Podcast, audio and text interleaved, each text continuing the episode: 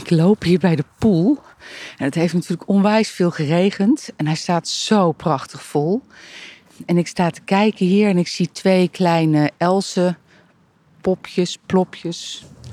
Ja, hoe noem je het? Stekjes. Nou, um, kleine elzenboompjes die opkomen. Die zijn hier komen aanwaaien en die staan nu met hun voetjes in het water. Ik ben heel erg benieuwd wat ze daarvan gaan vinden. Want als het goed is, komt het water nog veel hoger. Dan staan ze straks onder water. Um, geen idee of zo'n els dat dan overleeft en hoe fijn die dat vindt. Ik weet wel dat ze van uh, een natte waterkant houden. Staan veel langs sloten. En hier dus uh, aankomen waaien. Even kijken hoor, hier staat er nog één. Oh, en deze is al veel groter. Dus die gaat waarschijnlijk boven water blijven met zijn kop. Ja, er komen er heel eerlijk gezegd echt best wel veel op. Dus ik zal er ook een paar uit moeten gaan trekken. Anders heb ik hier straks een elzenbos. Maar wat ik ermee doe, is dat ik ze er dan uithaal. En misschien moet ik dat wel eventjes vandaag of morgen doen, omdat als het weer gaat regenen, ze helemaal onder water staan. Um, maar dan haal ik ze eruit en plant ik ze ergens anders weer.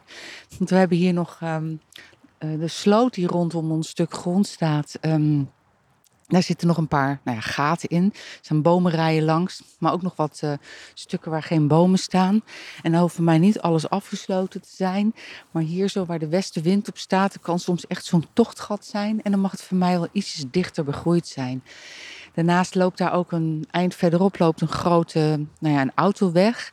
En ik weet niet of je het hoort, maar als de wind deze kant op staat, dan hoor je die auto's ook vrij goed. Ja, wat is vrij goed?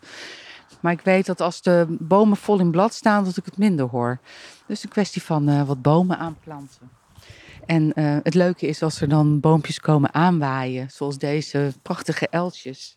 Die kun je dan uithalen en elders weer neerplanten. Ik denk dat ik een jaar of drie of twee misschien pas geleden ook um, van uh, vrienden van mijn lief um, uit Brabant een paar elsjes heb gekregen. Echt, die waren denk ik nou 30 centimeter. En twee daarvan heb ik bij ons in de achtertuin gezet. En één daarvan is inmiddels echt een joekel van een boom.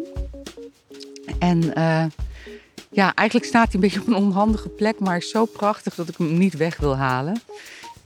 Ik kijk nu naar die kant en ik zie een van de kippen echt helemaal hier lopen. Zo, dat is leuk. Die zijn ver van hun hok.